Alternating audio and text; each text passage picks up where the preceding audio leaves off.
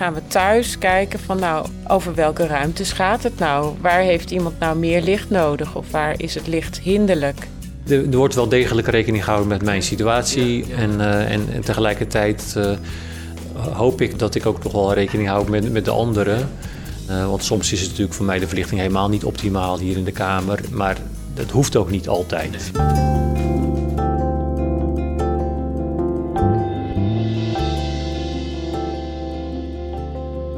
In deze nieuwe een en al oog podcast van de Oogvereniging gaat het over de rol van verlichting als je een oogaandoening hebt. Daarover hoorde je net al even kort Maaike Zwennenhuis en Onno Verhoeven, naar wie je zo verder kunt luisteren. Maar voor we verder gaan, stellen zij zich eerst voor. Mijn naam is uh, Maaike Zwennenhuis. Ik ben ergotherapeut bij Bartimeus. En als ergotherapeut uh, help ik mensen met een visuele beperking om zelfstandig hun leven vorm te kunnen geven. En ik heb me gespecialiseerd uh, in die tijd in, in verlichting. Uh, ik ben uh, Onno Verhoeven. Ik woon in Amersfoort. Ik kom oorspronkelijk uit Rotterdam, omgeving. Ik ben 55 jaar, ben getrouwd, heb drie kinderen. Ik ben geboren zonder dat ik problemen had met mijn zicht. Maar om ongeveer rond mijn dertigste is toen een oogziekte geconstateerd en dat is retinitis pigmentosa. En mijn naam is Krit Wilshaus en ik presenteer deze aflevering van Een en Al Oog. Voor het gesprek met Maaike Svenenhuis reed ik naar Bartimeus in Deventer. Om te beginnen nemen we een kopje koffie en legt Maaike kort uit wat een ergotherapeut doet. Een ergotherapeut werkt met mensen met een beperking. En dat kan op alle gebieden zijn. Dus fysieke beperking, psychische beperking, maar ook een visuele beperking. En wij kijken dan samen met iemand van, nou, wat kan je niet meer in het dagelijks leven en op welke manier zou dat wel weer kunnen? En dan uh, maken we daarbij gebruik van hulpmiddelen, uh, trainingen, mensen weer op een andere manier dingen leren doen. Uh, Maaike, je werkt voor Bartimeus. Dan zullen een heleboel mensen zullen Bartimeus wel kennen. Maar ga toch de vraag stellen voor de mensen die dat niet weten: wat is Bartimeus? Uh, Bartimeus is een uh, instelling voor mensen met een visuele beperking, dus blinden en slechtzienden. En wij bieden hulpverlening, onderwijs, we hebben woonvormen en dagbesteding. We gaan het hebben over verlichting en hoe belangrijk verlichting is voor mensen met een visuele beperking. Vroeger had je niet zoveel soorten licht. Hè? Je had het, uh, bekende peertje en de TL-buis. En dat was het wel zo'n beetje, denk ik ongeveer. Maar er is wel heel veel veranderd hè, in de tussentijd. Ja, en de grootste verandering heet eigenlijk LED. Want ja, het peertje, daar doel je denk ik uh, op de gloeilamp ja. van vroeger. Ja. Die is inmiddels niet meer officieel verkrijgbaar in de handel. En ook halogeen is niet meer verkrijgbaar. TL nog wel, maar dat wordt meer in, op werkplekken gebruikt. Dus ja, het grootste gedeelte is nu LED. En dat is wel een hele grote verandering, want LED is er in alle vormen, soorten en maten. En biedt heel veel mogelijkheden, ook uh, voor mensen die slechtziend zijn. Nou gaan we het hebben over mensen met een visuele beperking en de rol van licht. Nou zou je zeggen van, ja dat is toch logisch, uh, iedereen heeft licht nodig. Maar als je visuele beperking hebt, dan werkt dat heel nauw, hè? dat luistert heel nauw. Er zijn mensen die uh, hebben last van te weinig licht. Maar er zijn ook mensen die hebben, bijvoorbeeld mensen met albinisme, die hebben juist weer last van te veel licht. Kun je daar eigenlijk in het algemeen iets over zeggen? Dat is best een uh, uitdagende vraag. Licht heeft dus iets heel vanzelfsprekends. Hè? We, overdag hebben we licht, s'avonds is het donker. Dan maken we licht met onze lampen. Als je een uh, visuele beperking hebt, ja, uh, dan komt het nogal nauw. Want uh, sommige oogaandoeningen vragen om meer licht. Maar vaak heb je ook bij een visuele beperking krijg je meer lichthinder. Dus je moet eigenlijk zorgen dat die balans goed is tussen lichthinder en ja, de juiste hoeveelheid licht die je hebt. Ik kan wel een voorbeeld noemen. Als je een, een lamp, een hele felle lamp, heel dichtbij brengt en hij schijnt ook in je ogen, dan geeft hij misschien wel heel veel licht op jouw uh, papiertje mm-hmm. wat je wil lezen. Maar dan stoort hij ook in je ogen. Als je vervolgens diezelfde lamp gewoon wat lager hangt en onder je ogen hangt, dan schijnt hij alleen maar op je papiertje en dan stoort hij niet meer in je ogen. En naar die balans zoeken wij dan eigenlijk bij onze cliënten. Waarbij de een dus minder licht nodig heeft, de ander meer. De een meer last heeft, de ander minder. Ja, algemeen is het best moeilijk om daar dus wat over te zeggen. Ja. En het is misschien ook nog zo dat mensen met dezelfde aandoening licht toch verschillend ervaren. Ja, ze kunnen het verschillend ervaren. Dat is heel subjectief. Hè. De ene vindt bijvoorbeeld wat blauwiger licht prettig. De ander vindt wat rooier, wat warmer licht prettig. Dus dat is ook heel erg persoonlijk. En soms is het stadium van een oogaandoening ook van belang. Er zijn oogaandoeningen die veel bij ouderen bijvoorbeeld spelen, zoals maculadegeneratie.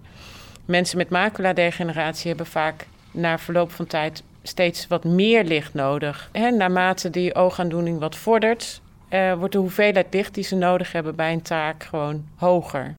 We praten in deze podcast over oogaandoeningen in relatie met licht. Maar je moet natuurlijk ook wel weten dat je iets aan je ogen hebt, om te beginnen. Ja, dat klopt. Dus bij twijfel, ga naar de huisarts. Hè, laat dat, laat dat goed uh, nakijken. Dus soms kan het ook een bril zijn die gewoon bijgesteld moet worden. Soms kan het ook zijn dat je zoveel licht ook nodig hebt, dat dat ook een signaal kan zijn van: goh, het, mijn zicht gaat toch wel achteruit. Ja. ja, eerst gewoon weten wat er aan de hand is met je ogen en of het normaal is.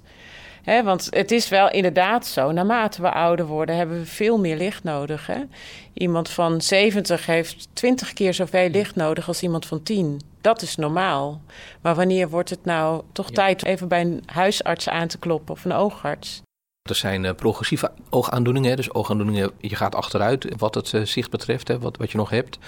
En dan moet je misschien ook wel weer je lichtplan gedurende je leven een paar keer aanpassen. Er zijn een paar specifieke oogaandoeningen waarvan we weten, of ja, die zijn over het algemeen progressief. En wij houden daar ook wel rekening mee als wij dus een advies geven voor uh, de verlichting. Dat het rekening houdt met wat iemand dan nodig heeft, ook in de toekomst. Maar helemaal vooruitblikken kunnen we natuurlijk niet. Uh, maar het klopt dat je naarmate uh, je slechter gaat zien met een specifieke oogaandoening, soms meer licht nodig hebt. En dus ja. ja. een extra lampje soms erbij nodig hebt. Ja weet Maaike Zwennenhuis. Onno Verhoeven verleende mij voor het gesprek gastvrijheid in zijn huis in Amersfoort. Als eerste vroeg ik hem wat zijn visuele beperking voor hem betekent in relatie tot verlichting. Dat is best een moeilijke vraag. Dat hangt heel erg van de situatie af. Het is over het algemeen zo dat ik aan de ene kant veel licht nodig heb om dingen goed te kunnen zien. Eh, en aan de andere kant eh, kan te veel licht eh, mij ook verblinden. Dus het is een soort zoektocht naar een balans tussen voldoende licht om dingen te kunnen zien en doen. Maar tegelijkertijd ook weer niet zoveel dat ik juist weer niks zie omdat er te veel licht komt. Ja, het is een continue zoektocht naar die balans. het betekent bijvoorbeeld dat ik een, een pet draag buiten om te veel licht te filteren. En ook binnenhuis dat ik uh, schermen naar beneden laat zakken soms om te veel licht vanaf buiten een beetje tegen te houden of te filteren. Maar tegelijkertijd kan het betekenen dat ik op het aanrecht of op de tafel juist weer extra licht nodig heb om iets te kunnen lezen of, of, om, of om een spelletje te kunnen doen. Ja, licht is wel een, een, een, een, een soort thema nu in, in mijn leven. Nou, ik kan niet zeggen dat ik er steeds mee bezig ben, maar ik heb wel afhankelijk van de situatie meer of minder licht nodig. Dus het, het is wel iets wat ook hier in het huis bekend is en, en, waar ook wel rekening mee wordt gehouden. Maar ja, zonder licht uh, struikel ik over alles, zeg maar. Dus het is, het is wel voor mij heel, heel van belang. Eén en al oog. En deze keer hebben we het over verlichting in relatie tot een visuele beperking. Daarover spreek ik met Maaike Svennenhuis als ergotherapeut werkzaam bij Bartimeus en met ervaringsdeskundige Onno Verhoeven. Eerst genoemde gaat u verder over het verschil tussen direct en indirect licht en het effect daarvan. We kijken ergens naar, hè? bijvoorbeeld jij hebt een papiertje voor je liggen uh, met een stukje tekst. Daar moet licht opvallen om dat te kunnen lezen. Als het helemaal donker zou zijn, zou je het niet kunnen zien. Dus je hebt licht op jouw papier nodig. Je hebt licht nodig daar waar je kijkt. En directe verlichting is eigenlijk licht dat rechtstreeks op jouw papiertje valt. Mm En indirecte verlichting is uh, verlichting die niet rechtstreeks op jouw papiertje valt, maar wordt weerkaatst via het plafond en de muur. Dus eigenlijk kun je zeggen, directe verlichting, dat zijn deze lampen hier aan het plafond of een taaklampje die op jouw papier schijnt. En indirecte verlichting is alles wat omhoog schijnt of tegen de muur aan schijnt, waarbij je de lamp niet kan zien. We kunnen sowieso geen advies doen als we niet eerst onderzoek hebben gedaan. Dus we hebben uh, altijd eerst gekeken natuurlijk van wat speelt er, wat voor uh, oogaandoening heeft iemand, wat voor hulpvraag heeft iemand. En dan gaan we onderzoeken wat heeft iemand eigenlijk nodig aan licht en hoeveel hinder heeft iemand van licht. En daarvoor hebben we verschillende onderzoeksmethodes, zoals een lichtlab. We doen een visueel functieonderzoek. En we hebben hier een lichtbelevingsruimte waar we nu in zitten. Waar we dus eigenlijk onderzoeken en uitzoeken met cliënten van goh, wat hebben zij nodig en wat vindt iemand prettig? Heeft iemand direct licht nodig, indirect licht? Heeft iemand rood licht nodig, blauw licht? Wat vindt iemand fijn? En pas dan kunnen we eigenlijk een advies gaan geven. Als wij precies weten wat iemand fijn vindt, wat iemand nodig heeft, wat de vragen ook zijn, ja. dan gaan we een advies vormgeven, helemaal op maat voor die persoon. Dus als iemand iets niet fijn vindt, en ik ga dat toch adviseren, dan gaat hij toch niet overnemen, dat advies. Dus dan is het niet zo'n goed advies. Daarom onderzoeken we het eigenlijk van tevoren. Voordat we het advies geven, ga ik met iemand een lichtbelevingsruimte in.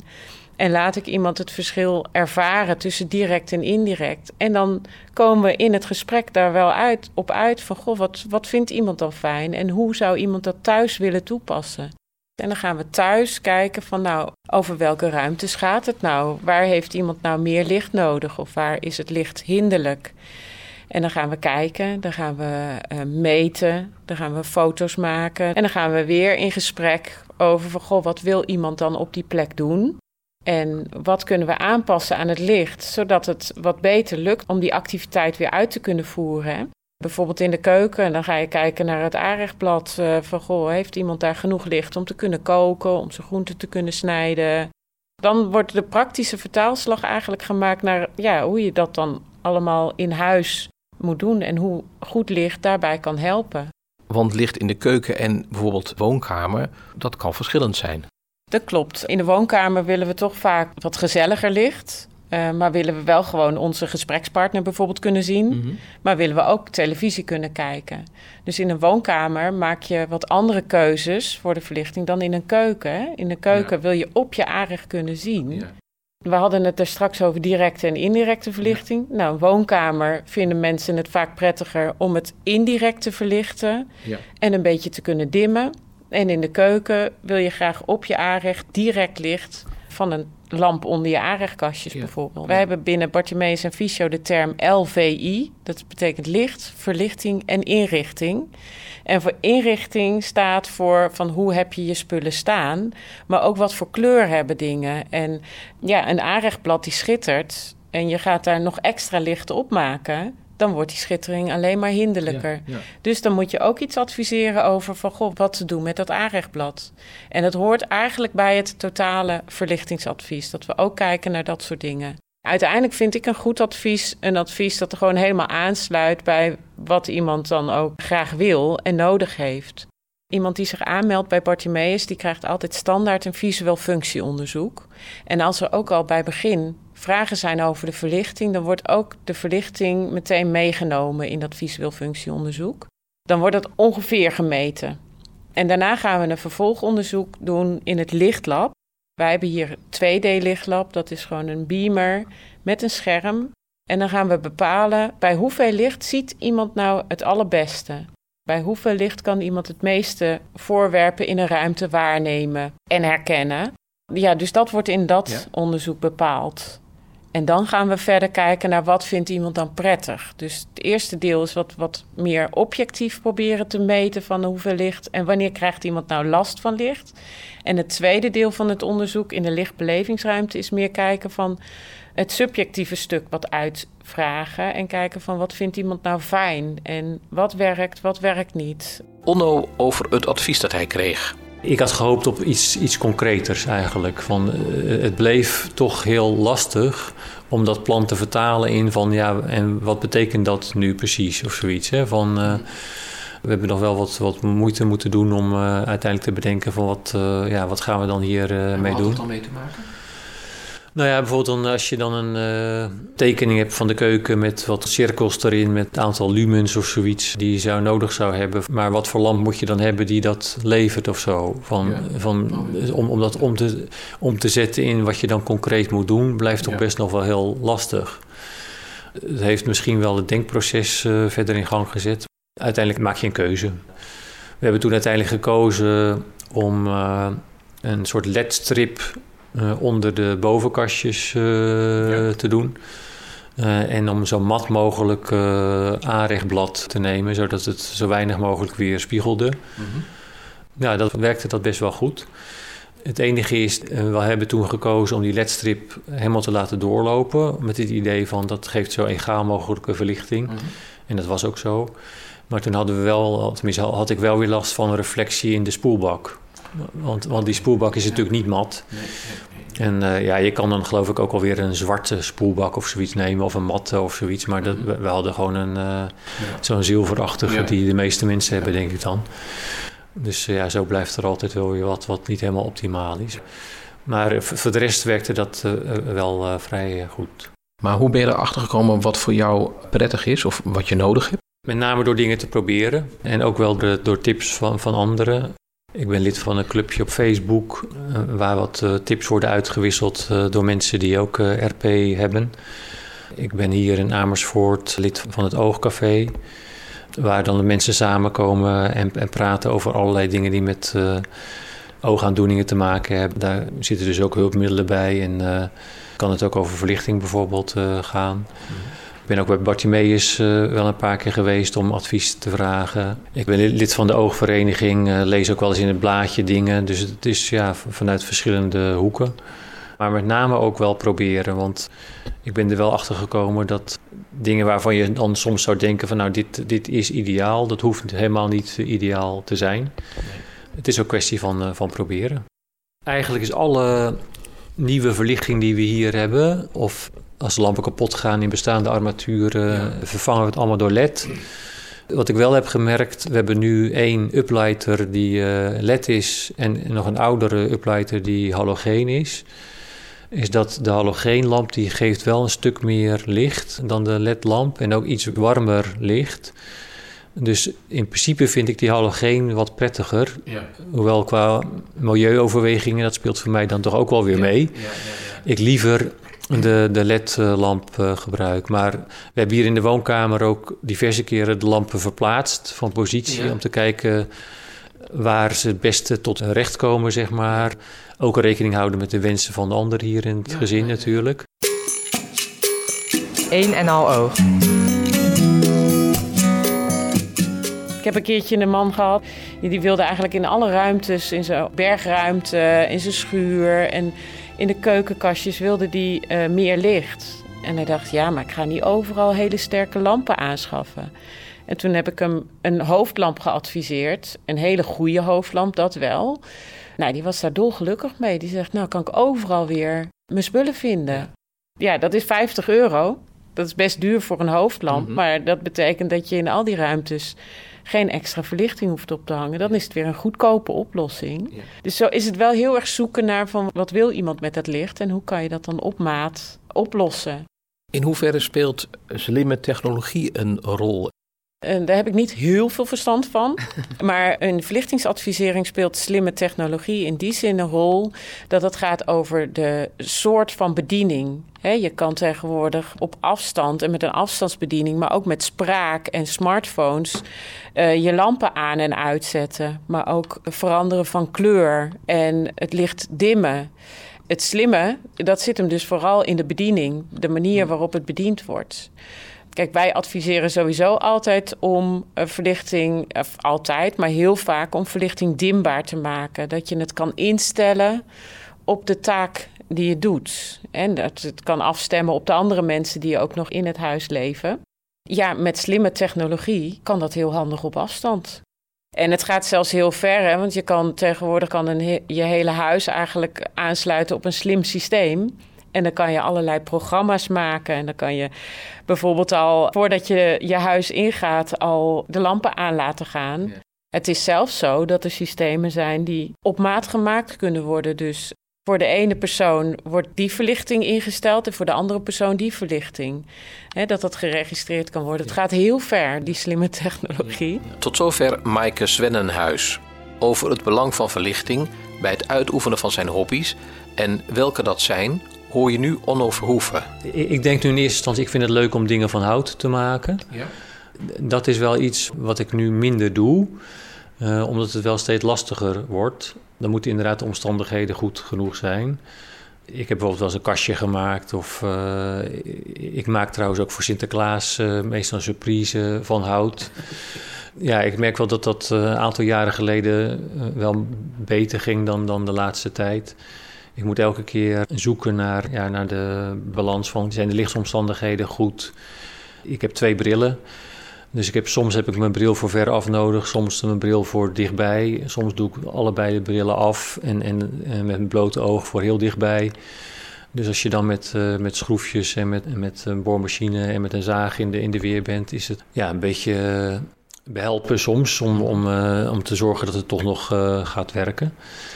Maar daar heb ik absoluut wel uh, de goede verlichting bij nodig, ja. ja. Uh, en, en dat doe ik eigenlijk buiten, want ik heb zo'n klein zaagtafeltje. Dat zet ik dan buiten neer en dan zaag ik de dingen. En, uh, dus dat kan ook alleen maar als het niet regent. En, en dan moet de zon niet te fel zijn en het moet wel droog zijn. nou ja, dat zei ik al. Dus het, er moeten wel de juiste voorwaarden ja. voor, voor zijn. Dus nou, dat is een hobby. Lezen is ook een hobby. Het lezen van een boek werd voor mij toch wel steeds wat lastiger. Ik heb op een gegeven moment de overstap gemaakt naar een e-reader. En dat was wel al een voordeel, eh, vooral toen die dingen beschikbaar kwamen met achtergrondverlichting. Die je dan ook nog eh, vrij traploos eh, kon, kon instellen. Maar ja, het lezen op zich is, is al een beetje vermoeiend. Ik, ik ben nu sinds een, een, jaar ongeveer ook lid van Passend Lezen. Mm. Dat ik ook gesproken boeken kan beluisteren. Dat, dat was wel weer even een stap, vond ik. Maar ja, het geeft ook wel uh, een bepaalde rust. Want dan kan ik gewoon luisteren naar een boek. Ja, voor de rest, uh, films kijken vond ik ook altijd heel leuk. Uh, ik merk wel dat dat ook wel een stuk lastiger is geworden. Omdat het moeilijker voor mij is om het overzicht te hebben van de film. Als het dan ook nog een film met ondertiteling is, dan moet ik dus of de ondertiteling groter zetten, wat bijvoorbeeld bij Netflix kan. Hè, dan kan je hem instellen. Of ik moet dichter bij de televisie gaan zitten. Ja, dan merk ik dat ik eigenlijk mijn meeste aandacht gaat naar het lezen van de ondertiteling. En dan mis ik weer een deel van de beelden. Dat er diverse mogelijkheden bestaan om de ondertiteling toch te kunnen volgen. Bijvoorbeeld met de webbox, weet Onno. Maar omdat deze podcast daar niet verder over gaat, gaan we daar ook niet verder op in. Hij gaat verder met te vertellen over hoe de lichtsituatie nu is in zijn huis. We zijn verhuisd naar een ander huis. Er was ook een gelegenheid zeg maar, om weer even opnieuw te kijken van uh, wat werkt en wat werkt niet. Ik wist al dat voor mij uplighters uh, vrij goed werken als uh, omgevingsverlichting. Dus de uplighter die we al hadden is mee verhuisd naar dit huis. En we hebben toen op een gegeven moment nog een, een LED-uplighter erbij genomen. Waarvan het voor mij dan handig is, ik ben zelf vrij lang dat de uplighter ook niet al te, te kort is. Want dan, dan, kijk ik alsnog erbovenin. Ja, ja, ja. En dat de kom van de onderkant van de, de schaal zeg maar, van de uplighter uh, zo dicht mogelijk is aan de onderkant. Dat ik ook niet uh, daardoor uh, verblind zou kunnen raken. En dat hebben we gedaan. En voor de rest, wat we wel ook via Bartimeus ooit geadviseerd hadden gekregen. En wat we in het andere huis hadden en hier ook hebben laten doen we hebben op de bovenverdieping in de werkkamer, de slaapkamer, uh, hebben we multifilm schermen laten plaatsen. Dat zijn een, een soort rolgordijnen met, uh, in, in, een geleiderrail, ja. waar je van binnen naar buiten doorheen kan kijken. Okay. Uh, maar die een soort zilverachtige coating aan de achterkant hebben, waardoor ze warmte en licht filteren. Okay. Dus dat heeft een voordeel voor de warmte in je kamer, maar ook zeker voor het licht. En je kan dan toch nog naar buiten kijken, waardoor je niet het gevoel hebt dat je helemaal afgesloten bent. Dus dat, dat was wel een best een goede oplossing. Dus dat hebben we hier aan, op de bovenverdieping gedaan. Voor de rest hebben we alle spotjes die hier en daar hingen in het nieuwe huis van de plafonnières, die hebben we er allemaal afgehaald. Want dat is voor mij heel vervelend. Die verblinden en geven geen egaal licht. Dus die hebben we vervangen door uh, hele simpele uh, plafonnières. Hebben we gewoon bij de IKEA eigenlijk gehaald. Waar een soort doorzichtige, ronde stoffen kap is het eigenlijk kunststof misschien. En, uh, waar wat uh, ledlampjes achter zitten. En dat geeft een vrij uh, egale verlichting. Dat hebben we gedaan. Bij de computer had ik altijd het probleem van... stel dat ik de plafonnière aandoe... dan kan ik wel misschien het, het meeste zien wat op mijn tafeltje ligt. Maar ik, ik kan niet schrijven. Nee. Want dat geeft te weinig licht. Ik heb ooit een tip gekregen, ik weet niet meer of dat nou via Bartimeus kwam of ergens anders vandaan, maar van een uh, lamp die heet Daylight. Ja. Het is een lamp die kan je zowel met als zonder accu uh, kopen. Ik heb er eentje met een snoer. Maar je zet hem gewoon neer, je klapt hem open, dan gaat hij automatisch aan en dan geeft hij uh, een soort daglicht. Ja. En dat is dus goede verlichting. Als je daar je notitieblokje onder legt of zo, ja. dan kan je hem. Tenminste, ik kan het gelukkig nu nog, nog wel lezen dan. Of iets opschrijven. En bovendien is het dan zo, als, me, als het s'avonds is en ik het toetsenbord niet zo goed zie, mhm. dan kan ik datzelfde lampje ook gebruiken om het toetsenbord beter te kunnen lezen. Ik kan op zich wel blind typen, mhm. maar uh, alsnog zitten er af en toe van die rare haakjes en dingen, die moet ik toch echt wel zien uh, om ze te kunnen vinden. We hebben hier een uh, garage. Een TL-balk werkt gewoon niet, want, want dat verlicht maar een klein stukje. Mm toen kreeg ik via iemand een tip van dat er ook LED-panelen bestaan. En die passen precies tussen de balken van de garage. Er zijn vier uh, LED-panelen van 60 bij 60 centimeter. Die zijn heel mooi dun en die geven mooie egale verlichting, zodat ik ook achter in de garage nog een beetje kan vinden wat ik nodig heb als het wat donkerder uh, is. Dus dat was ook wel een, uh, een goede oplossing. Voor de rest qua verlichting, de keuken hier zijn we nog niet over uit. De keuken is nog zoals die was toen we hier uh, inkwamen. Er zijn spotjes, dus dat is uh, niet helemaal optimaal. Maar ja, aan de andere kant uh, weet ik ook nog niet zo goed wat een betere oplossing zou zijn. Hier, want er is een raam in de keuken, dus daar kan je bijvoorbeeld geen bovenkastjes hebben. Dus je, je moet dan iets hebben uit het plafond waarschijnlijk. Dus dan zit je sowieso vrij hoog. Ja. Ja, hoe we dat gaan doen in de toekomst weet ik nog niet zo goed. Soms is het ook gewoon, dan leg ik me maar even neer bij wat er is. Ja. We hebben wel een soort servieskast staan in de keuken. Daarop heb ik een uh, LED-lamp liggen, die zeg maar via het plafond ook de keuken nog wat meer verlicht. Ja. Dus soms als ik uh, ga koken bijvoorbeeld, dan doe ik die ook wel aan als ze buiten de spotjes om nog wat meer uh, algehele verlichting te krijgen. Het grootste probleem wat ik nu in de keuken eigenlijk heb, is de verlichting van het kookdeel. We hebben nog een gasstel. Daarboven is een afzuigkap. En in die afzuigkap zit zo'n lullig uh, lampje. Ja. En dat, uh, ja, dat is voor mij echt volstrekt onvoldoende. Dus dat uh, verlicht misschien een klein beetje één pan. Maar zodra er een tweede pan bij komt, dan is dat voor mij niet voldoende. Dat is nu echt wel lastig. Dus dat, uh, ja, daar moeten we nog over nadenken hoe we dat, uh, dat gaan verbeteren. Een en al oog. Ja, hier staan we in de lichtruimte met allerlei lampen. Ja, dat klopt. We hebben hier voorbeelden van allerlei verschillende soorten lampen. Die geeft veel licht, de andere geeft weinig licht. De meeste zijn dimbaar, indirecte verlichting. We hebben zelfs een heel LED-paneel daarbovenop die kast ligt, die weerkaatst via het plafond. We gebruiken dat steeds vaker voor onze adviezen. Dat je gewoon zo'n groot LED-paneel op een kast legt. Die schijnt dan omhoog. Je ziet er bijna niks van, van de lamp zelf.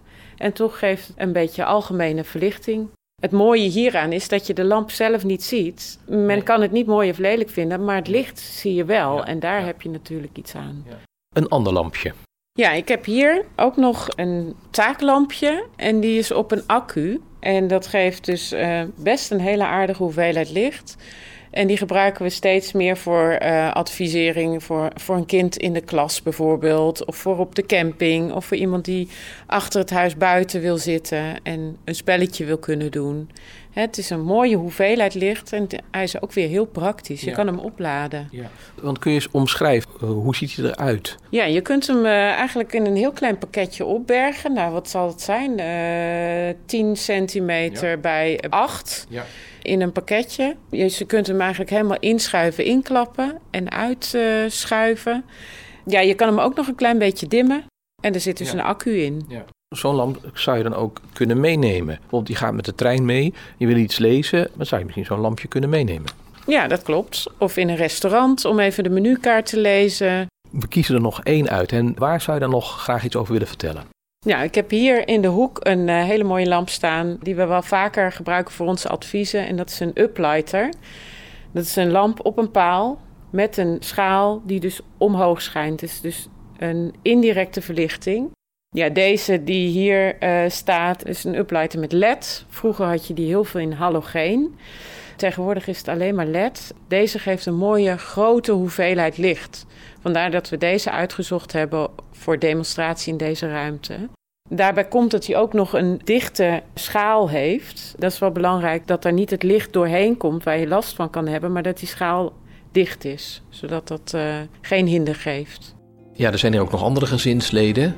Wordt nou dat hele lichtplan, als ik het zo mag zeggen, helemaal op jou afgestemd? Of, of zeg je van nou, nee, maar eh, ik hou ook wel rekening met, eh, nou ja, met mijn kinderen bijvoorbeeld, wat die prettig vinden? Ik, ik denk wel dat bepaalde keuzes wel gemaakt zijn, zodat het voor mij zo, Ja. zo prettig mogelijk is. Onno Verhoeven. Uiteraard in de kamers van de kinderen hebben zij zelf inspraak of Ja. hebben ze zelf Ja, ja. een beetje gekozen wat Ja. ze daar hebben. Maar in de gemeenschappelijke ruimte, zeg maar, hebben wij bijvoorbeeld besloten, mijn vrouw en ik, om de plafonnières te vervangen door iets wat zo weinig mogelijk verblindend Ja. is voor mij. Daar hebben de kinderen inderdaad niet over meegepraat eigenlijk. En eh, de uplighters ook niet. Ik denk als, als er niemand hier in huis was geweest met een eh, oogaandoening... Dan, dan hadden er wel andere lampen gestaan. Ja. Dat, dat denk ik zeker wel. Er, er wordt wel degelijk rekening gehouden met mijn situatie. Ja, ja. En, eh, en, en tegelijkertijd eh, hoop ik dat ik ook nog wel rekening hou met, met de anderen. Eh, want soms is het natuurlijk voor mij de verlichting helemaal niet optimaal hier in de kamer. Maar dat hoeft ook niet altijd. Nee. We hebben ook wel voor gekozen om niet alles vol te bouwen met meubels en kleedjes en dingen waar je over kan struikelen. Dus dat helpt natuurlijk ook al van, zelfs als het wat schemeriger is op een gegeven moment, dat ik dan toch niet meteen struikel als ik ergens heen loop. En iets anders wa- waar wij veel mee hebben geworsteld en eigenlijk ook steeds nog wel een beetje worstelen, moet ik zeggen, is de verlichting van de eettafel. Ik ben op een gegeven moment eh, nog bij een, eh, een lichtlab eh, hier geweest van een bedrijf. We hebben hier een aantal testopstellingen gehad van een LED-lamp boven de eettafel. Die in eerste instantie naar twee kanten verlichten, dus naar boven en naar beneden. Nou, ik merkte al dat lamp naar beneden was fijn voor op tafel, maar niet voor mijn ogen. De tweede variant die we hebben geprobeerd is een variant die alleen naar boven schijnt. Dus die via het plafond en de muur de tafel verlicht. Dat was wel fijn, omdat ik er niet, helemaal niet in keek. Maar tegelijkertijd eh, was voor mij, en dat kan voor iedereen verschillend zijn, denk ik dan, de intensiteit van het licht zo fel op het plafond en op de muren, dat ik het toch niet fijn vond. Nee. Omdat dan de, eigenlijk eh, het plafond het best verlicht was. Maar daar staat je bord niet. nee, precies, en daar staat mijn bord niet. Nou ja, dus uiteindelijk hebben we besloten voor vier hanglampen. Eh, we hebben een vrij lange tafel eh, met eh, stoffen kappen, waardoor je niet direct in de lichtbron Nee. kijkt. Nee. En daar eh, zitten die eh, Philips Hue-lampen in. Het zijn de gekleurde varianten, dus je Ja. kan ze alle kleuren geven. Eigenlijk komt het erop neer dat ik, dat ik ze nu bijna altijd op dezelfde kleur zet, moet ik zeggen. Maar wat ik wel fijn vind, is dat je ze dus eh, ja, echt traploos kan dimmen. Ja, en eh, ja. de- het blijft wel toch een beetje lastig van als we een spelletje spelen of zo, dan heb ik soms toch een beetje last van schittering. Of dan zie ik het toch niet helemaal goed. Dus eh, of dit nou de, de, zeg maar de eindoplossing is, weet ik niet. Maar het is, vooralsnog is het, is het oké. Eh, maar dat geeft eigenlijk ook aan dat je er eigenlijk steeds mee bezig blijft met die verlichting. Wat, wat nu misschien prettig is, is misschien over een jaar niet meer prettig. Nee, dat is absoluut waar. Eh, laatst eh, waren wij op bezoek bij eh, een oom en tante van mij. Dat was een tijdje niet geweest. Een van de eerste dingen die ik doe, onbewust bijna, is dat ik kijk van hoe, hoe hebben ze hier de verlichting. En we gingen daar lunchen En ze hadden daar een, uh, een, hele mooie lamp hangen boven de eettafel. Dus dat wekt dan wel direct mijn interesse van hoe werkt dat ding en uh, is dat eventueel iets voor mij? En uh, dat gaat dan wel meteen door mij heen. Dus zeker is het waar dat ik ja, daar, daarmee bezig ben. Wat ik volgens mij ook al zei, van hier in, in de huiskamer slepen we ook wel eens lampen heen en weer. Ja, Om te kijken van wat is nou de beste plek daarvoor. Ja. Dus ja, het, het, is iets wat, wat niet stopt. En soms heb ik ook gewoon even genoeg ervan. En dan, uh, dan neem ik het een tijdje zoals het is. Dan is het gewoon even zo. Al dus Onno Verhoeven, die in deze podcast dus zijn persoonlijke verhaal vertelde. Want nogmaals, iemand anders met een oogaandoening, en misschien wel dezelfde als Onno, zou het anders kunnen ervaren. En dat is denk ik goed om te beseffen. Tot slot wil Mike graag nog iets zeggen. Ja, ik nodig mensen uit om, uh, als ze vragen hebben over verlichting, om vooral eens even op de website te kijken van Bartimeus en is uh, daar rond de neus. En als ze ja, echt denken van, goh, ik kan wel een advies gebruiken, meld je dan aan en dan uh, gaan we eens onderzoeken. Uiteraard kun je behalve bij Bartimeus ook je licht opsteken bij Visio als je verlichtingsadvies wilt. En verder kun je terecht op www.oogvereniging.nl dat is de website van de Patiënten- en Belangenorganisatie voor iedereen met een oogaandoening in Nederland. Of je belt met de ooglijn 030 294 5444. Ik herhaal 030 2945 3x4. En daarmee zijn we gekomen aan het einde van deze 1 en al oog podcast. Redactie Oogvereniging Rut Dongoor, Ines Dupuy, Martijn Vet en Carlijn de Winter. Samenstelling, interviews en montage, Krit Wilshuis, tekst in zicht audio. Graag tot een volgende... Een en al oog.